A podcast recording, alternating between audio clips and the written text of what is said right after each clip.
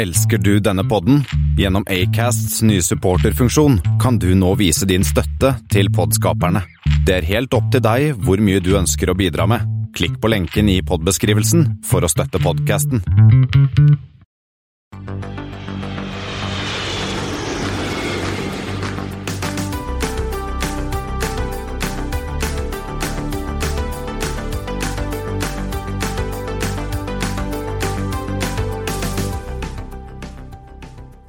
Hei og velkommen om bord på Flypoddens flight 184. Som vanlig hører du meg, Kristian Kamhaug, og Espen Næss. fra hvert vårt hjemmekontor. Espen skal starte dagens flight med litt trafikktall, og takket være mer smitte og nye nedstengninger, så ser det ikke så godt ut, tror jeg. Vi skal også se på et mulig blått flykjøp. Air Baltic har fått sin første base utenfor Baltikum. SAS Links første Embra 195 har er blitt malt. SpiceJet for widebodies, og vi skal nok en gang snakke mye om bærekraftig luftfart. Vi har også tatt en prat i den forbindelse med Jonathan Wood, som er sjef for Aviation Fuels i finske Neste, om biodrivstoff. Det kommer vi tilbake til senere i sendingen. Og du har vært på tur. Jeg har vært på tur. Jeg rakk en tur til Danmark før det ble helt uh, mørkt og stengt igjen. Ja, men det, Det- det, det eneste vi har omtrent lov til nå, er jo å reise. Ja, det stemmer. Det er ingen restriksjoner på reiser. Jeg kan ikke gå og ta en øh, øl fra og med i morgen på Texas Barbecue, f.eks., hvor jeg dumpa innom på lunsj her om dagen, for jeg ikke orker å sitte hjemme. Uh, men jeg kan dra til Syden. Det kan du. Men jeg kan ikke dra på Eh, kino. Tror jeg. Men eh, jeg fløy hjem fra København. Det var eh, bra med folk på Kastrup, faktisk. Uh, Fasttracken fungerte, lunsjen fungerte, god, god, god, god plass og litt Det er jo litt traurig. Det er jo liksom Det er jo ikke Det er litt mindre enn det var. Litt mindre ting og tang å ta seg til, og sånn, men det funka fint. Eh, en ny kliss ny A320 Neo gikk fint. Eh, og når jeg kom til Gardermoen, så hadde vi hadde jo sånn, var, gjort oss klar for en time eller to i, i, eh, i noen testkø, men vi fikk komme ut. eh, Du går jo da ut etter, etter tollkontroll. Og så sto det noen hyggelige folk der og spurte vil du ha en, ta en test nå, eller vil du ta en test hjemme. Og vi hadde jo en, eh, fremdeles da en, en god haug med hjemmetester hjemme, så vi satte oss på flytoget og Nå er det jo helt greit. Dro Du hjem, slipper å liksom stå i kø og bare dra hjem og stikke fingeren i nesa når du kommer hjem, liksom. Ja, det var null. Det var en pinne i nesa og, og alt greit. Og en, en strek og gode, gode greier.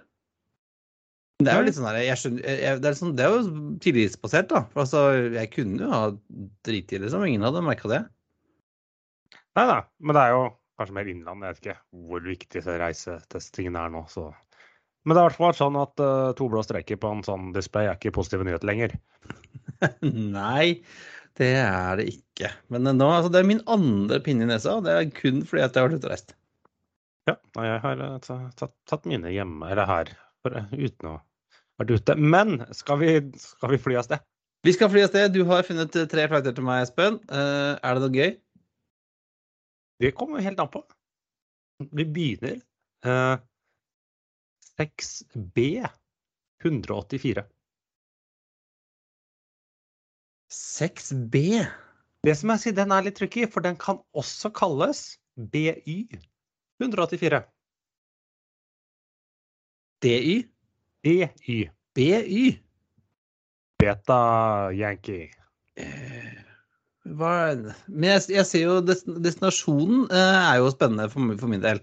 Ja, for det er AC. Arn. Hvor skal vi da? Vi skal jo fra, fra Lanzarote, fra Recife Lanzarote, til det har jeg vært her på ganger, eh, til Arlanda. Men hvem er det som flyr der? Med en 7878. Er det Air Air Europa? Nei Er det, nei, det er TUI! Ja! TUI! Ja! Men TUI ikke- Airways. Men det er jo chartertjafs, det. Eller går det som Ja, som rutene? nei, men det er, la oss kalle det rutecharter. Ja. Hvor, hvor går grensen? For dette er jo en fast charterflight som går en gang i uka, er jo på en måte et rutefly. ja, så den kan, du kan booke kan du den? Ja, jo, jeg tror det. Men uh, du, du, så, så nå skal du fundere litt, og så har vi en neste. Det, er- det, dette er litt forvirrende og litt OR184. RHO til AMS med en blanding av 737 800 og 737 maks 8. Eh, Men RHO, Er ikke det noe sånn- er ikke det råd og sånt da? Jo, det er Rådås, ja. Rådås Amsterdam. Men eh, hvem er det som flyr eh, jeg hus- jeg husker, OR husker jeg ikke, men som flyr? Det er vel Er det noe TUI i det her òg? Ja, det er TUI Fly Netherlands. TUI Fly Netherlands, ja. Mhm. Og nå kommer den som egentlig Det blir ikke tre TUI, jeg fant ikke det. Men eh, LS 184 ZTH til GLA med en 737-800 DH. Ja, da er vi i Syden igjen. Fra, da skal vi fra Santori Sakintos. Sakintos. Been there, done that. Til Glasgow. Med Med LS Den har vi vært innom før. Easy? Jet Jet 2, Jet 2, Ja, Jet 2, Jet 2, ja. selvfølgelig. Ja, Og du har egentlig vært inne på hva er eh, sammenhengen her. Det er Syden. Det er Syden, ja. Det er Sydenturer, gitt. Det er sånn som, vi drev, sånn som vi drev med i gamle dager. Ja, men Jo, men det som jeg var inne på, det er det er jo det eneste du har lov til nå. Ja, ja, ja, ja nei, vi kan jo drømme oss om sydenturer. Ja, ja, ja, ja. Det var egentlig det. Uh, og og begge selges som blanding av rutefly og pakkereiser. Ja. Og litt sånne. Uh, og så har vi én ulykke som jeg i første omgang måtte spørre den er vel feil nummer på. Men så hadde du en Ja, for du prøvde først å si at jeg fikk ikke lov til å ta med denne, fordi den eh, American Airlines eh, American Eagle flight eh, 4184 Men eh, den het, hadde faktisk callsignet Eagle flight 184, så den, den telles. Ja, så jeg tok ikke med det første tallet egentlig. Men den, det er en halvkjent ulykke. Ja, jeg tror vi har vært bortom det, innom dette her før, når vi har snakket om at det er på amerikansk innenriks. innenriks. Mhm. Fordi dette her er, var altså en ATR eh, 72 fra American Eagle fra Indianapolis eh, til eh, Chicago. Eh, 31. oktober 1994, på halloween, altså. Med eh, 64 passasjerer og fire crew, annet to svenske passasjerer på denne, kjerra. På en eller annen grunn. Eh, og den styrtet pga. ising. Ja. Og- det skapte litt Etter det så var ikke den flytypen så populær i USA, selv om den ble brukt hvert fall litt lenger sør. eh, Og at ATR jo har gjort noen endringer etter det, slik jeg har forstått det. Ja, for det, jeg, det var eh, visst noe med noe slats og greier. Eh, altså, jeg er ikke så teknisk her, men det var altså Visstnok ATR fikk kritikk av NTSB fordi at de ikke hadde Dette flyet passa ikke egentlig. Altså, det var noen tekniske grunner til at det, at det styrta, og det fungerte tydeligvis ikke så bra i easing conditions, da. Så det American Eagle gjorde, var at de flytta jo uh, ATR, de 72-ene de hadde, uh, ned til Miami og Puerto Rico, så de fløy der nede hvor det var mindre sjanse for ising. Ja, for der har jeg fløyet dem. Fra Puerto Rico til de britiske jomfruøyer. Akkurat. Eh, og 16 år senere så var det en ulykke med en Aero Caribbean eh, ATR-72 i også nå hadde noe av det samme, visstnok. Så ATR-72 i ising, det høres ikke så bra ut. Eh, og så har jeg én Jeg fant en flytype. Det, den der letter det godt.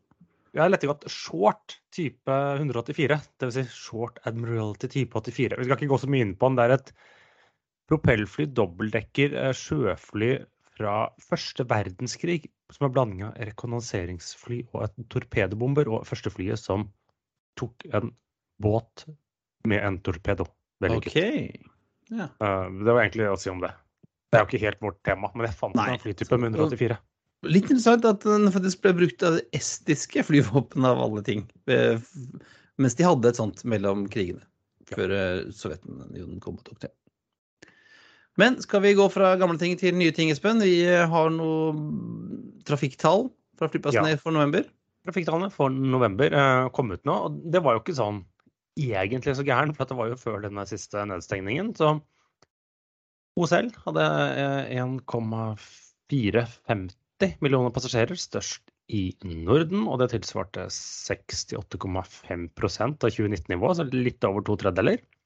Eh, En forbedring på nesten 7 prosentpoeng fra oktober, selv om det var 130 000 færre passasjerer. Men det er jo en sesongsvingning som er helt normal.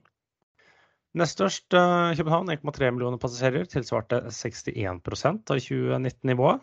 Uh, en forbedring på kun 3,3 prosentpoeng, så ca. en tredjedel av Nei, litt under halvparten av OSL. Og de hadde hele 250 000 færre passasjerer, men også dette forklarer jo litt. sånn at Det var jo en vekst sammenlignet med 2019, så skyldes jo mye sesongsvingninger. Arlanda 1,1 millioner passasjerer og sin beste måned hittil i 2020. For de hadde faktisk 53 000 passasjerer, så de kom opp på 59% av 2019-nivået. Så nesten som eh, København, like under. En økning på 12 prosentpoeng. Helsinki hadde 700 000 passasjerer. Eh, det tilsvarte kun 44% av 2019-nivået, så de er jo fremdeles eh, dårligst. Men de hadde faktisk en økning på 45 000 passasjerer fra oktober, så det var også deres beste måned eh, hittil i år. Så det gikk jo på tross av sesongsvingninger. Eh, mens Keflavik hadde en kvart million, og det tilsvarte 57% av 2019-nivået. Og de var de eneste som faktisk hadde en nedgang sammenlignet med oktober, når man sammenligner med 2019. Riktignok på 1 ja. da, men jeg hadde faktisk trodd at Der tok jeg feil, for jeg trodde faktisk at uh, Keflavik kanskje skulle gjøre det bra når USA åpnet opp igjen. Men det Nei. Nei. nei. Eh, det har jo vært eh, Altså, kurvene har jo gått én vei eh, siste ja, siden mai, egentlig. men April-mai. Men nå spørs det hvordan det blir. Ja, nå snur det. For nå kommer jo uke 49 for Avinor. Og det var et solid svalestup for deres trafikk. Den gikk jo fra minus 34% målt mot 2019 til minus 45 av 2019. Og det er en ganske kraftig nedgang. Og nedgangen er kraftigst på innenriks denne gangen. Og det er omtrent første gang i hele pandemien at det er. Ja, det er men, innenriks er fortsatt relativt sett best, men det var der den største nedgangen var. Ja, ja det har jo blitt uh, Vi skal jo ikke reise noe sted lenger. Og, og når alle skal hjem på hjemmekontor igjen, så er det ikke vits å reise noe sted, for at uh, det er ikke noen. Nei, du kan liksom ikke. Det er vanskelig å dra på forretningsmøter. Uh, så får man se det, hvor lenge dette varer, eller om man bare gir opp på et eller annet tidspunkt. Ja, vi får krysse fingrene på for at det går, men det er en helt annen, annen pod. Og, men uh, vi får håpe at det blir bedre til sommeren, og, det er noe, og Lufthansa tror på at det blir bedre som, sommer neste år? Ja, eller de tror i hvert fall at nordmenn skal reise mer, eller tyskere skal reise til Norge, for de varsler comeback og økning på nesten norske ruter eh, i dag. Vi har ikke noe snakket om OSL, men det er comeback for bl.a. Eh, Frankfurt-Stavanger. Etter er det sju år de holdt seg borte derfra, så skal tilbake med en daglig avgang til sommeren. Ja. Har vi sett noe om equipment? Blir det CRJs, eller? Det er 320, tror jeg. Ja. Daglig. Eh, daglig, ja. Eh, og så uh, øker de på Bergen-Frankfurt, jeg tror fra åtte til ti ukentlige i sommeren. Og i tillegg så skal de fly en gang i uken mellom München og Bergen. Så sistnevnte var der, da? De har i hvert fall fløyet dit før, men Widerøe har ikke lagt ut nødvendigvis. Det kommer jo litt an på situasjonen. Jeg tror den gikk brukbart for Widerøe.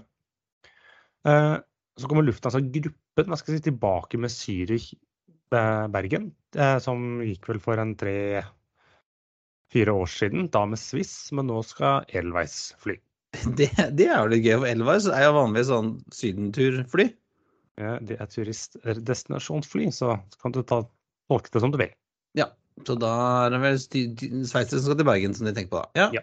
Og så passer jo bra med Hurtigruten og Havila-ruten og alle de greiene. Ja. Frankfurt-Tromsø eh, øker fra én til to ukentlig, litt avhengig av hvordan du ser på det og hva de egentlig har fløyet. For de flyr faktisk mer nå i vintersesongen, og de startet jo ganske sent i sommer, så alt er litt, litt relativt. Men i hvert fall to ukentlige Frankfurt-Tromsø også neste sommer. Ja, og fra øh, Det blir jo fint å se hvordan det blir. Og fra, fra Lufthansa til, til, KLM, fordi at vi så Reuters kunne melde i forrige uke at, at Airbus ligger godt an til å ta en, en rimelig stor deal fra, fra, KLM når de skal kjøpe seg nye fly.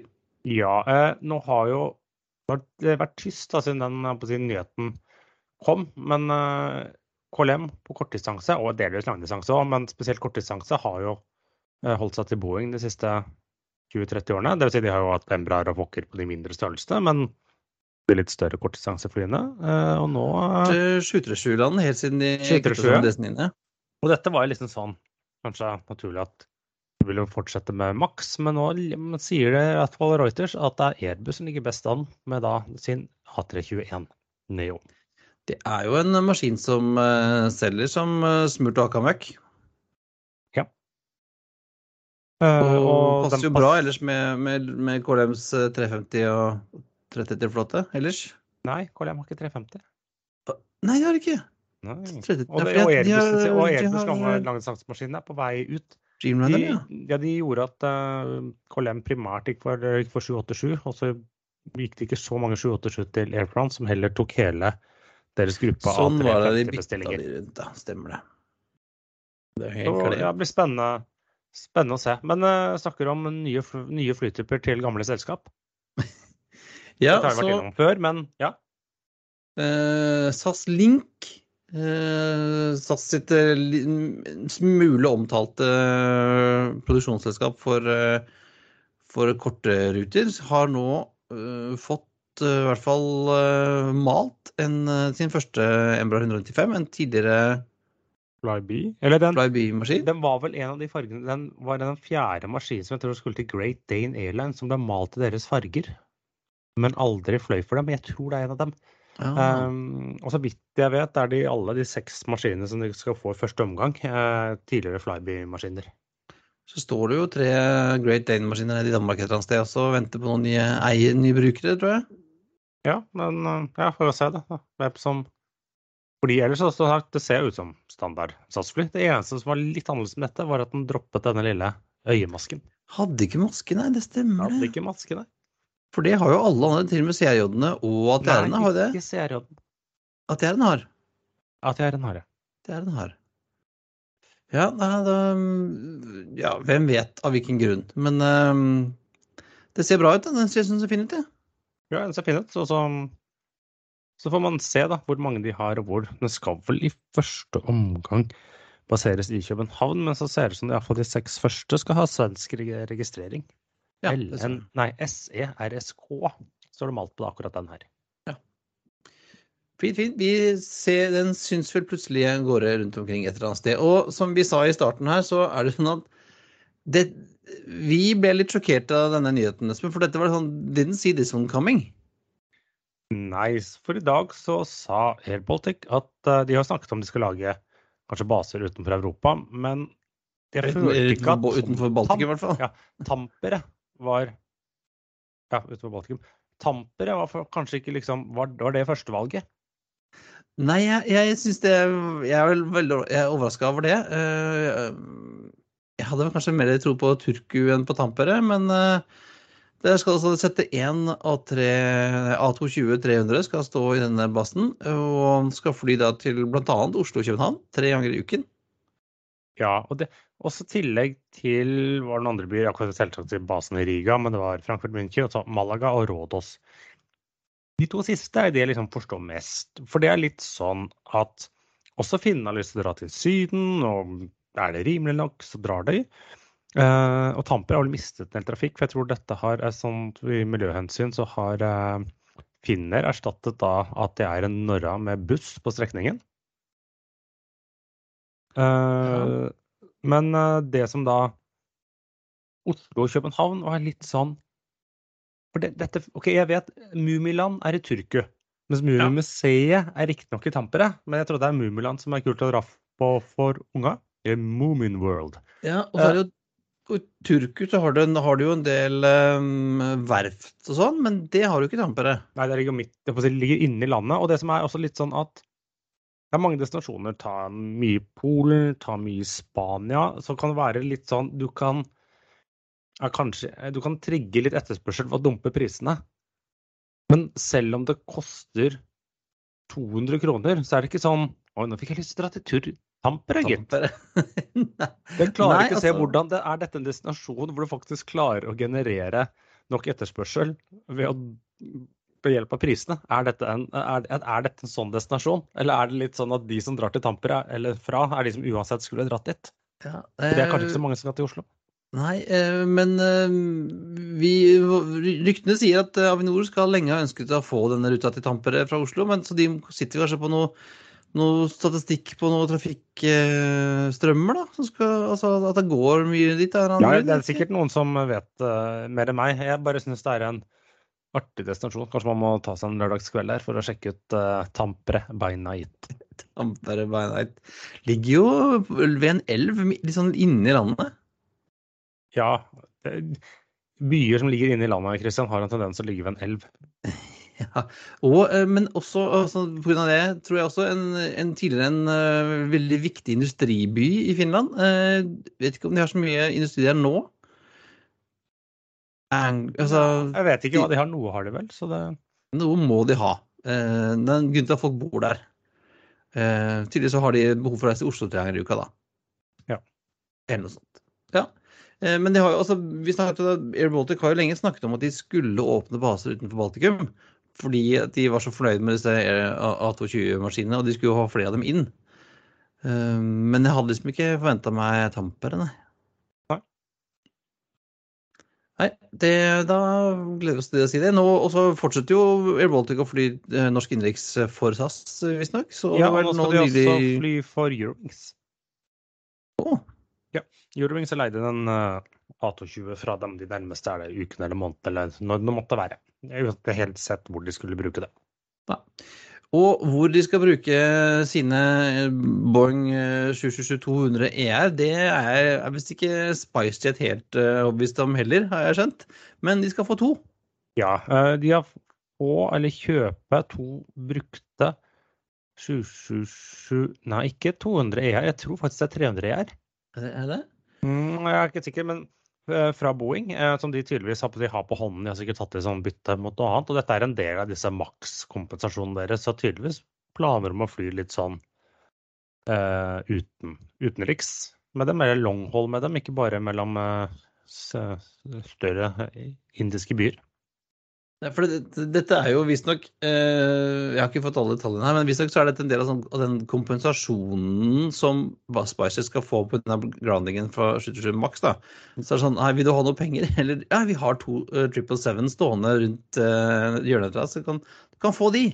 Ja, for det er, det er, jo litt sånn både Boeing og Airbus gjør og har gjort dette, er at de hender at når de selger nye fly til et selskap, så hender det at en del av kravet er at de skal kjøpe to eller kjøpe noen brukte fly av dem som de da ønsker å bli kvitt, eh, som en del av dealen. Og dette er jo da disse flyene som de selger nå. En sånn klassisk historie på den var jo når Boeing solgte 777 til Singapore Airlines og endte opp med å kjøpe A340-300 fra Singapore Airlines, for så å drive å selge Airbus-fly for å liksom, få penger for dem. Ja, det er gøy. det er gøy, det er gøy.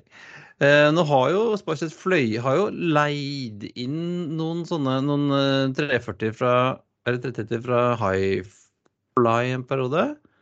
De har ja, fått, det er for, for sånn repatriation flights og, okay, og litt sånn. noe cargo-greier. da, så De har vel noen tanker. da. Det var jo snakk om at de skulle fly til London eh, en periode, men da hadde, jeg tror de fikk slått, og så hadde de ikke noe fly. Ja. Så du, ja. Før vi går videre, apropos longhold.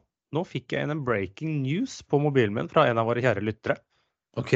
Mens vi sa det, at det Qantas har nå lansert eh, Sydney via Perth til Roma neste sommer. Tre ganger ukentlig. Med 7, 8, 7, 9. Sydney, Perth, Roma? Ja.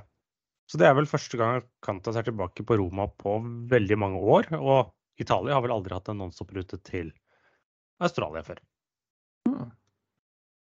De fløy jo, eller de har jo planer om å komme tilbake til Perth London, den ruta der, som også liksom starter på en måte i Sydney. Um, den er vel foreløpig satt litt på hold, så vi skal vel ta den igjen. Akkurat nå så flyr de via Darwin faktisk i stedet for. Men da var det en breaking news. breaking news. Mens, mobilen men, mens, mens vi sitter, og, sitter og tar opp. Fy søren, Espen, det er ikke gærent, altså.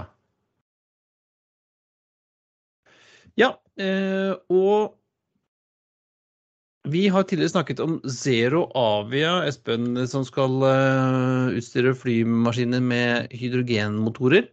Og Sist vi snakket om det, så var det jo Alaska Air Group som hadde gått inn uh, som investor, og i tillegg bestilt uh, kits for å konvertere Q400 til hydrogendrift. Og nå har United, som en del av masse andre ting de driver med for å bli karbonnøytrale, eh, gått inn som investor i Zero Avia og bestilt 100 motorer til CRJ.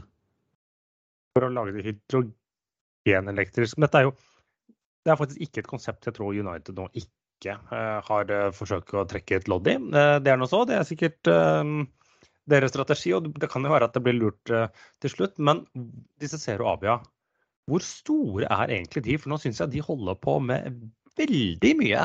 De er overalt. De, holder, de har jo disse to uh, Dornierne som de holder på med å konvertere til hydrogen. En i UK og en i USA.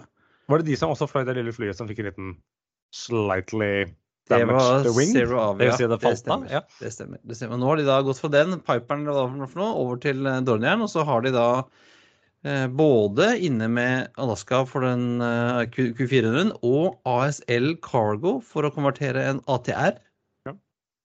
Og nå United. Og jeg har sett, eh, Først så tenkte jeg at de skulle tenkte jeg, hvordan kan du konvertere Hvordan kan du fly eh, en CRJ på hydrogen med hydrogenelektrisk motor? For det går jo ikke. Nei, Du kan ikke få jetmotor til å gå på hydrogen, det går ikke. Jo, det kan du. Jo, men du kan ikke få den til å gå på, gå på elektrisk. Det må jo Ah, sånn, ja.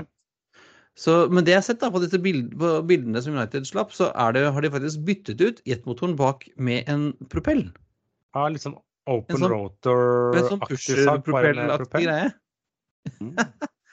Interesting. Så de skal altså få 100, eh, altså 100 motorer. Da skal de konvertere da 50 serioder Ja. til å fly. Og da, det som er interessant, de snakker jo om å konvertere disse CRJ 700-maskinene sine. Det er det 550-ene som de Ja, kaller det. som de er egentlig en 70-seters maskin, som de pga. sånne scope cross bare har 50 seter i. Så, så da kan de jo liksom sette de eksisterende setene litt trangere, så får du plass til den der fordømte hydrogentanken baki der. Ja, nemlig. Ja. eh, det, det, det, skjer, det er mye spennende som foregår nå, Espen. Jeg må si det, altså. Absolutt. Så, og nå kommer det et nytt fransk selskap, selv om jeg rynka litt på nesa. Ja, for du, du lukta, her lukta du uh, greenwashing. Det, er, det heter Flying Green. og da liksom, da, da er, det, er det første liksom, tick-off bullshit-bingoen eh, kommer inn på. Eh, og de eh, skal da være veldig miljøvennlige, for de skal bare fly A320 Neo. Um, det er litt sånn ja ja. Ja da, det er mindre miljøvennlig enn eh, eldre fly. Og så skal de blande inn 5% SAF, som vi kommer tilbake til nå snart. eh, Sustainable Aviation Fuel i drivstoffet. Og, og, og SAP, som uh, hvor nå gjesten nå skal forklare, så er jo det veldig fornuftig og det er veldig bra slunk å gjøre det. Men det er litt sånn 5% ja det er en veldig god start, men at du liksom fordi du kjøper en billett til dem, kan kalle deg miljøvennlig uh, Nei, er- Sorry. Nei. Nei. Men uh, vi vet ikke så mye om, de, om dem ennå. De, De skal fly fra Paris og Orly. Det er det de vet. Og det skal de. med A320 Neo. Med AT20 Neo, som skal være noe sånn grønn, grønn og gull skal de visst eh, male flyene med. Og starter, skal starte da i et sted jeg har sett 2022, andre steder står det 2023. For, all del, eh, misforstå meg rett, det er bra at man forsøker å slippe ut mindre og sånne ting. Men jeg føler at eh, eh, her er det litt, uh, litt grønnvasking i konseptplanene deres. Det, det lukter, lukter det, Espen. Uh, og fra flying green til å fly grønt, og fortsette innenfor dette med, med biodrivstoff, eller SAF, så kom SAS med en nyhet i dag om at de oppfordrer da Eurobonus-medlemmer, sånn som oss, til å kjøpe biodrivstoff, eller SAF, eh, når vi skal til fly. Og tidligere så har de jo sagt at de skal, at de skal sponse oss Eurobonus-medlemmer med biodrivstoff, men nå skal vi altså oppfordres til å kjøpe mer av det. Jeg har ikke Ja, helt skjønt greia. Mot at man får bonuspoeng. ja, og for, jeg, det ser ut som en ganske bra deal. Ikke det? Altså, du betaler 100 kroner for fem, 500 ekstrapoeng.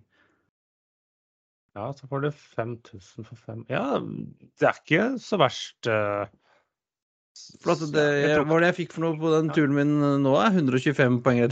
Du, altså hvis du flyr en, en Lufthansa, en ganske lav eh, klasse Lufthansa til Frankfurt, så får du jo sånn 150 poeng eller noe.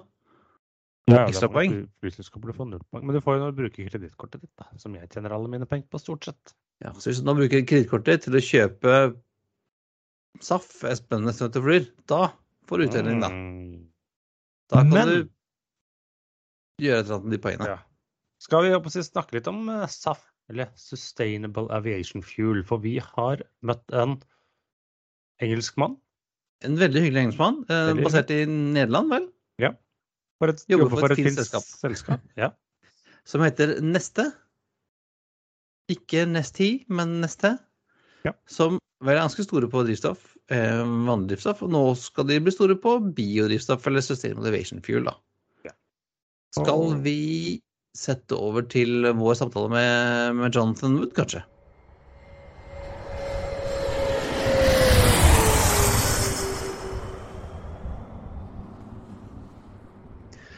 So, welcome, Jonathan Wood. You are VP Europe APAC for and Renewable Aviation at Neste. That's right. Thanks uh, for inviting me. Uh, look forward to the conversation. And who is who is Neste? It's not Nest- Nestea or or Nescafe. It's not. It's, it's something totally different, isn't it? Absolutely. Neste is uh, the leader, the global leader in the production of uh, renewable fuels and the recycling of waste uh, materials. It's uh, formerly a, a- a traditional oil refining and marketing company based out of Finland in the Nordic region, but it has uh, transformed itself over the last 10 to 20 years to become, as I say, the leader in production and the production technology, not just the actual production, but the production technology behind the use of recycled waste materials. And and those re- recycled waste materials are then used for to make fuels. Yeah, yeah. We make, um, uh, we, we, as the Americans call it, we make uh, turn trash into treasure, or yeah, take take uh, waste oils and fats and other um, uh, yeah waste oils and fats and and and other vegetable oil based uh, um, uh, wastes and turn them into uh, renewable fuels or renewable diesel to be precise, which we're already producing in large quantities and supplying in Europe and North America and around the world. And uh, we've set up two new business units at the beginning of last year to really focus on bringing renewable fuel into the aviation market, which is one of the sectors, transport sectors, which is going to be the hardest to convert to some other form of renewable low carbon uh, uh, propulsion technology. So liquid fuels are going to continue to play an important role. So it's important that we find a way by which we can do that and and and and not add to the carbon that we've got in the ecosystem. And then alongside the renewable aviation, we've also established a, a business unit to bring in uh, to, to bring renewable uh, feedstocks into the polymers and chemicals industry. So uh, for the production of of packaging materials uh, with Unilever, IKEA, or, or you name it. And this is what we used to call biofuels, but now it's called sustainable aviation fuels, isn't it?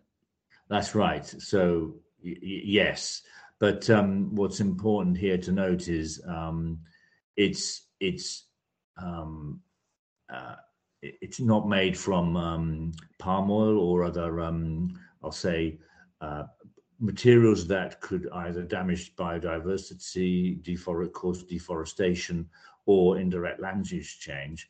So what we're doing here is we're truly taking waste materials, used cooking oil and animal fats, um, waste products from the production processes of other foodstuffs, and and turning that into into into fuel. So So, so, so what really is then uh, sustainable aviation fuel, and then what is it made up of?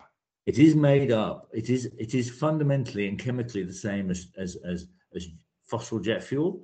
It's just it, it's a it's a hydrocarbon and it's a liquid fuel. It's just not made from fossil crude oil that's pulled out of the ground, but rather it's as I said earlier, it's the recycling of waste materials that we've already got in our ecosystem.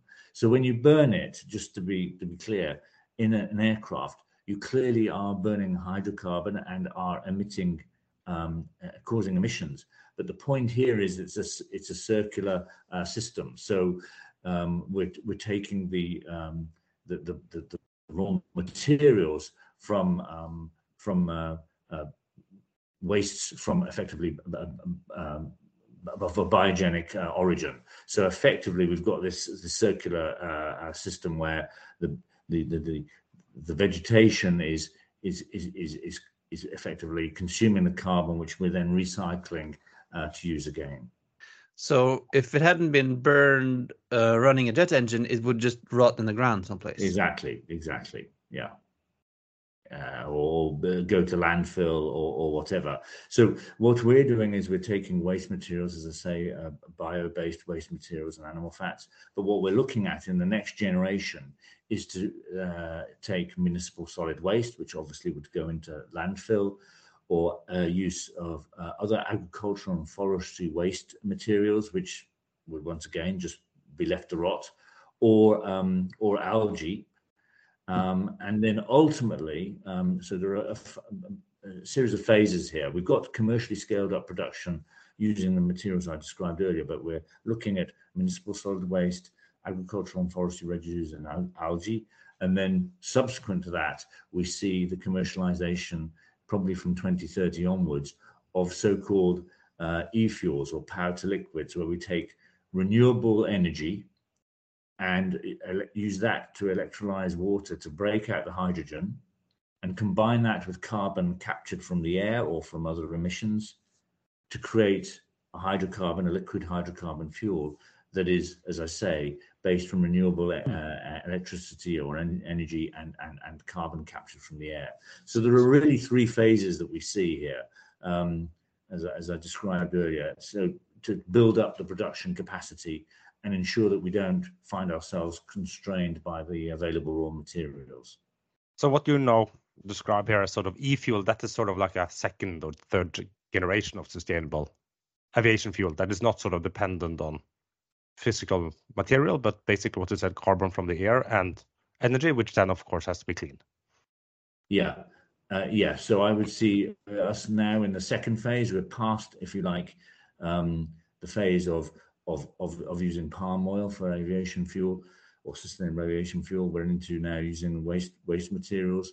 We've got uh, uh, further expansion of that pool of waste feedstocks that we can that we plan to expand into and then the the e-fuels or power to liquids is really a much higher cost um, uh, technology that's not yet ready to be scaled uh, up commercially, but is being worked on. I mean, Neste is working on it and investing time and effort into that, and many other companies are as well. So we we're hopeful that that will be able to build on um, the, the, the commercially available SAF that we're bringing to market now by about 2030 onwards. But all of these technologies, unfortunately, do cost more than our current uh, uh, the current fossil jet fuel price. Now we don't know what the fossil jet fuel price will look like um, 10 years from now, but um, we all know that unfortunately that's not really a long-term option because we, we've got to find ways of decarbonizing um, society and aviation is one of those sectors or transport generally but in particular aviation is one of those sectors which is um, harder to find alternative forms of propulsion. Electric is being looked at, but is likely to only really be feasible for shorter haul and, and, and smaller aircraft. And, and, and Airbus is also looking at hydrogen um, uh, as, a, as a fuel source uh, for propulsion of aircraft, but that they're not envisaging being available before 2035. And, and, and given our climate change uh, challenges, you know, Paris and now Glasgow, it's clear that we can't wait another 10 years. We've got to start reducing the emissions uh, I mean, um, over and above more efficient aircraft. We've got to find ways of reducing our carbon emissions um, now and in the next 10 years. And you you did mention it, uh, Jonathan, that um, you know the, the, the big issue with with SAF today is that one, it's really really expensive, and two, it's it's not that easy to get because it's you know the limits on the production. Uh, what what do you envision uh, Neste and other other uh, producers do have to do to make that uh, that problem go away? Well, well, it, it's a good old chicken and egg uh, situation here. Well, um, there's, there's, there's a, uh, is limited supply, hence it costs more. Hence there is um, limited demand. Hence, without the demand, uh, it's very hard to justify investing billions of dollars in in new capacity. So uh, we've got to break that cycle now, um, and and that requires all stakeholders in this in this uh, uh aviation uh, ecosystem to, to play a role. We, as a producer, Neste, have um, committed to uh, investing and are doing that right now in uh, Asia, in Singapore, and in Europe, in Rotterdam, we're investing in new capacity. So we will be multiplying uh, our production availability by 15 times over the next 15 months. So by early 2023, we will have one and a half million tons worth of uh, production capacity of SAF. That would be enough to meet roughly 3% or more um, currently, but 3% of pre-COVID demand in Europe. um, so, so, the, so clearly, players like Neste and other energy companies need to invest in the capacity, and also ensure that we can access the uh, broad feedstock pools and develop future uh, through R and D, research and development, expand the uh, the range of feedstocks we can use. But policy is also important here. The EU, Norway took a lead in this respect in, in terms of putting in place a um, a mandate for the supply of uh, uh, aviation fuels, and that 0.5% of all aviation fuels in Norway since last year has to be uh, sustainable aviation fuel, and we look forward to that increasing. Sweden has also put in a mandate and is uh, increasing that as of next month to 2%. France is also putting in place a mandate starting at 1%, and the EU in particular is talking about uh, a supplier mandate so that gradually sustainable aviation fuel has to be a larger part of all the fuel that is consumed, um, latest from 2025 onwards. And indeed, the UK as well is talking about uh, a similar kind of supplier mandate. So policy is important. I would add also North America has been at this for a while, especially on the West Coast, where there are incentives to help promote the usage of of, of SAF and reduce the, the, the cost gap to um, or price difference, I should say, to fossil jet fuel.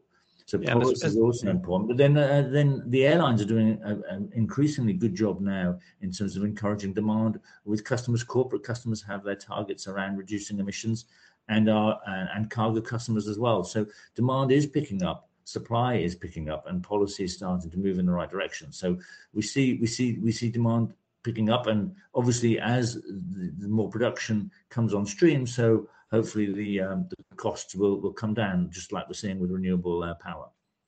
Yeah, and with the, we all know how Americans love their greasy, uh, uh, deep fried food. There should be a lot of of, um, of raw material for the for the for the SAF in the U.S. at least. Yeah, indeed, and um, even in Europe, we've uh, been taking uh, used cooking oil from McDonald's and recycling it at our Rotterdam uh, refinery. So, uh, indeed, and and you wouldn't believe it, but in Finland, every Christmas the um, the, the, the pork fat is collected and uh, is turned into into uh, into uh, uh renewable jet fuel or SAF. Well, I have this this mug in my office says I love the smell of jet fuel in the morning, and I will even you know it will smell like bacon then in the future, perhaps. I'm not sure it'll smell like bacon, but it is it is uh, super clean and indeed actually um, is not only lower uh, net carbon emissions, but also has other benefits, fewer particulates, so soot and other non CO2 related uh, pollution is also reduced. And indeed, it is slightly, very, very fractionally lighter. It is sli- uh, slightly higher performing because it is effectively a clean, cleaner form of uh, fossil jet fuel. So with less less particles, you probably have less contrails then That's as well. Right. That's right. Which also you know you know has has issues in terms of, of global warming. Exactly. Um, i mean the, the, more we can reduce the contrails uh, uh, the, the, that also has a, um, a benefit for for for the climate change global warming problem we've, we're, we're, we're, seeking to address at the moment. So absolutely that's another of these benefits. In fact um, it's it's estimated that that could be uh, two two to three times the impact of the uh, carbon emissions. So another very good reason to, to get on with using this. And I mean, we've got to break the cycle of saying, well, it, it costs too much. There, there's not enough supply, therefore I can't use it. We actually do have it now available in many, many markets. Uh, in California, in, in Europe, it's in Norway, Sweden, Finland, Germany, Netherlands, UK, and we'll be bringing it to France very shortly. So you know that that's just Neste, and and we've even uh, got it in in Asia. Japan have started using it. So. Um, we need to um, get over this idea that it's not available. It is available. Uh, um, we need to obviously work with partners since Neste itself is not present at every airport. So we're happy to work with partners. It's important that that we do that to, to, to achieve the objective here, which is uh, ultimately to to uh, make aviation um, an acceptable uh, long-term option by reducing its emissions. And technically, we now know from the tests that you guys have done with Airbus and Rolls Royce that you can actually fly an airplane on on 100% SAF.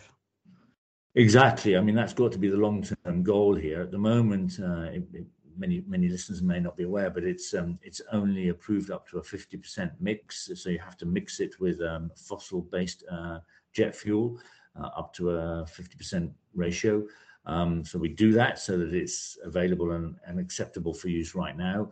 But actually, uh, all aircraft made today are, are, are able to use are able to use SAF to uh, uh, 100%, and and it's important now that we understand the performance and other issues so that all engines and uh, aircraft are made to to accommodate it uh, 100 to a 100% ratio as soon as possible and then and then then that really means that we we aren't capped at 50% but can actually increase its usage beyond that um, um, obviously at the moment we're we're, we're in our uh, in the early stages where we're bringing it to market and it's only it's less than 1% of total uh, supply at the moment but uh, we've got to grow that and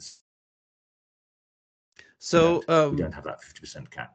Yeah. So what should you know then industry and governments do then to speed up that transition from fossil to renewable fuels?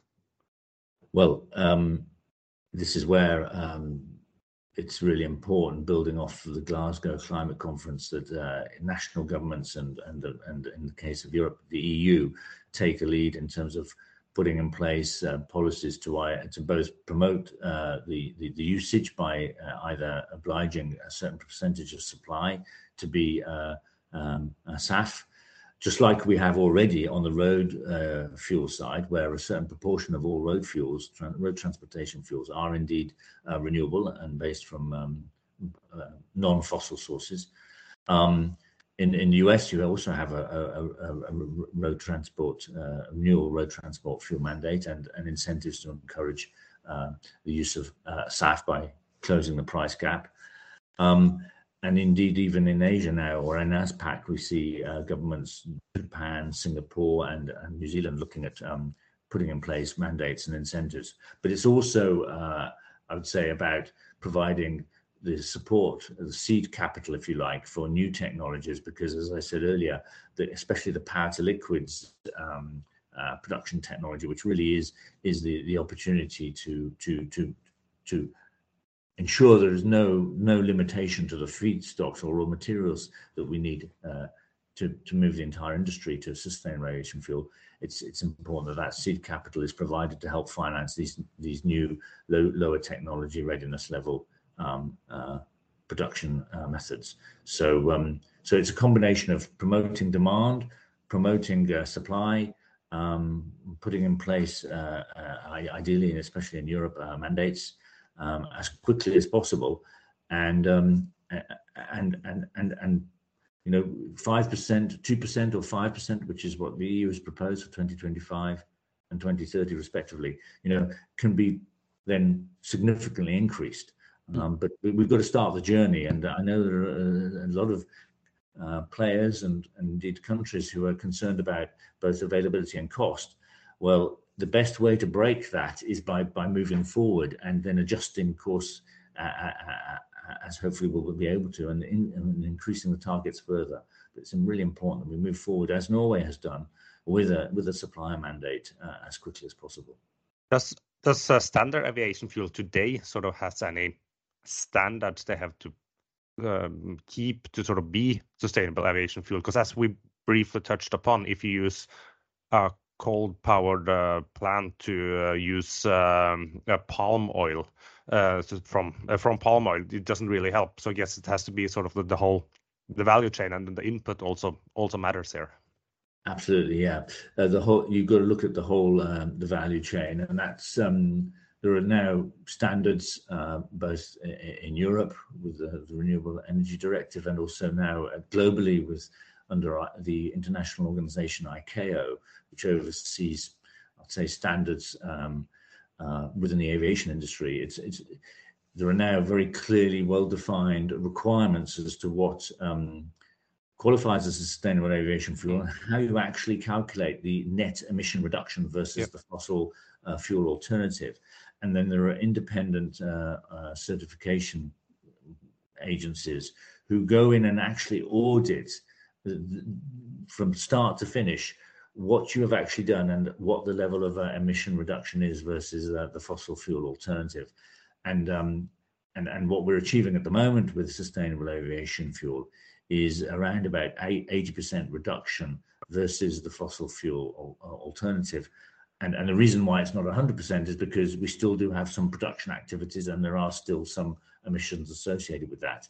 But but um, I'm sure we'll we'll we'll get closer to 100% um, as time progresses. So it's really important that those standards are um, adhered to, and every every batch of fuel that is sold, there should be or sale that's made to an airline um, should be um, uh, certified, and and and it should be there very transparent what the emission reduction is uh, that's being paid for. And indeed, you know, if we get into the space where we're selling to end customers, either corporations for the tra- transportation of goods or, or, or, or, business travel, or indeed the private uh, consumer, it's really important that we make it evident to everybody who's paying for this, this incremental uh, cost associated with uh, SAF what they are actually getting for their money. Hmm. Great. Um, to round up, we usually have three questions that we ask all our, our guests. Jonathan. And uh, I think we will start with what's your favorite airport in the world? Oh, favorite airport. Well, uh, I've travelled around all, all, all, over the world. I know Zurich uh, is always very efficient and easy to get through. London Heathrow Terminal 5 is actually pretty good and very easy to get through these days. Yes, especially these days when it's mm-hmm. less less crowded. And, and then the second question, that's an easy window or aisle seat? I'm sorry, Espen? A window or aisle seat? Ah, so uh, uh, sh short haul aisle seat, uh, uh, uh long haul window seat. Oh, okay. That's that's that's a new uh, new combination we haven't heard before from our, our guests. But uh, I I see I see your point. You want to get, get you know quickly in and out. Yeah, exactly. Yeah, yeah. yeah. And then the last question is if there was one destination that you would have to travel to the rest of your, your life for vacation or for your holidays, what destination would that be? It's a tough one, I know. Uh, I don't know. Um, there are some fantastic uh, places in the world Sydney, Hong Kong, Rio de Janeiro. But one of the most uh, uh fantastic uh, places to go to, where I actually have family living out there in South America, is is to fly in and out of La Paz. Ah. Hmm. Uh, in Bolivia, the capital uh, of Bolivia, um, the, you land and you're over four thousand meters high. so you you basically go dodging in and out of the mountains of the Alta uh, of the of the of the Andes, and then you uh, arrive in into the airport, which is itself uh, 500 meters above the city of La Paz. So that's quite a fantastic place to uh, to visit and then also to fly in and out of. So you step up the off the plane and then you get altitude sickness immediately, right? Exactly. it's a little bit like walking out of a spaceship. Yeah. Yeah. well, thank you for your time, Jonathan. Uh, really interesting to hear about you, the work what you guys do on on on SAF. I mean, uh, Espen and I, we both love aviation, we love traveling, and we also love the planet, and uh, like to keep it keep it as good as it is, and, and leave it to our to our kids in a maybe in an even better um, state than it than it was when we took over. Well, that's that's the name of the game here. That's what we're in the business of trying to make happen. So Thank you very much, Jonathan. Thanks. And Merry Christmas. Yep, same to you. Thanks a lot. Bye bye.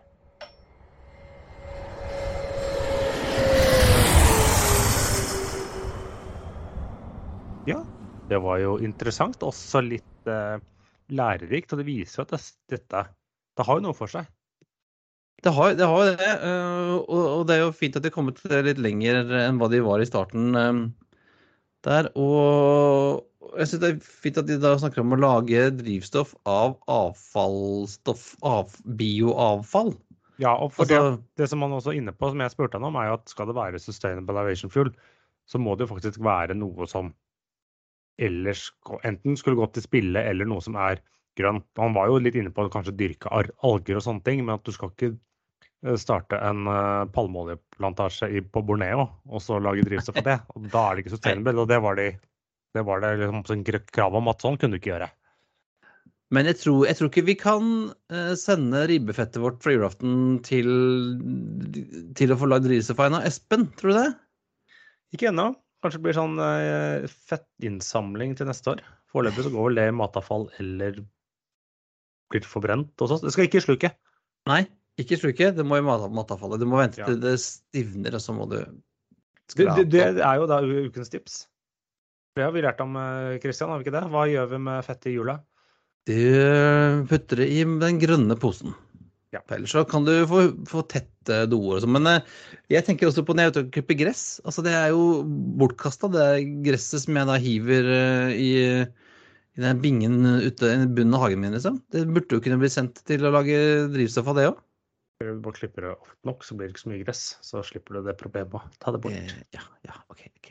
Men, eh, men Ja, ja. det, det finnes jo mange muligheter da, til å lage, dra, lage drivstoff av. Det finnes jo Mm. masse sånn, så biomasse som bare går til spille ellers. Men utfordringen er jo da gjøre det Hvordan får du opp volumet nok av det, og hvordan får du da gjort det billig nok til at det skal liksom være interessant?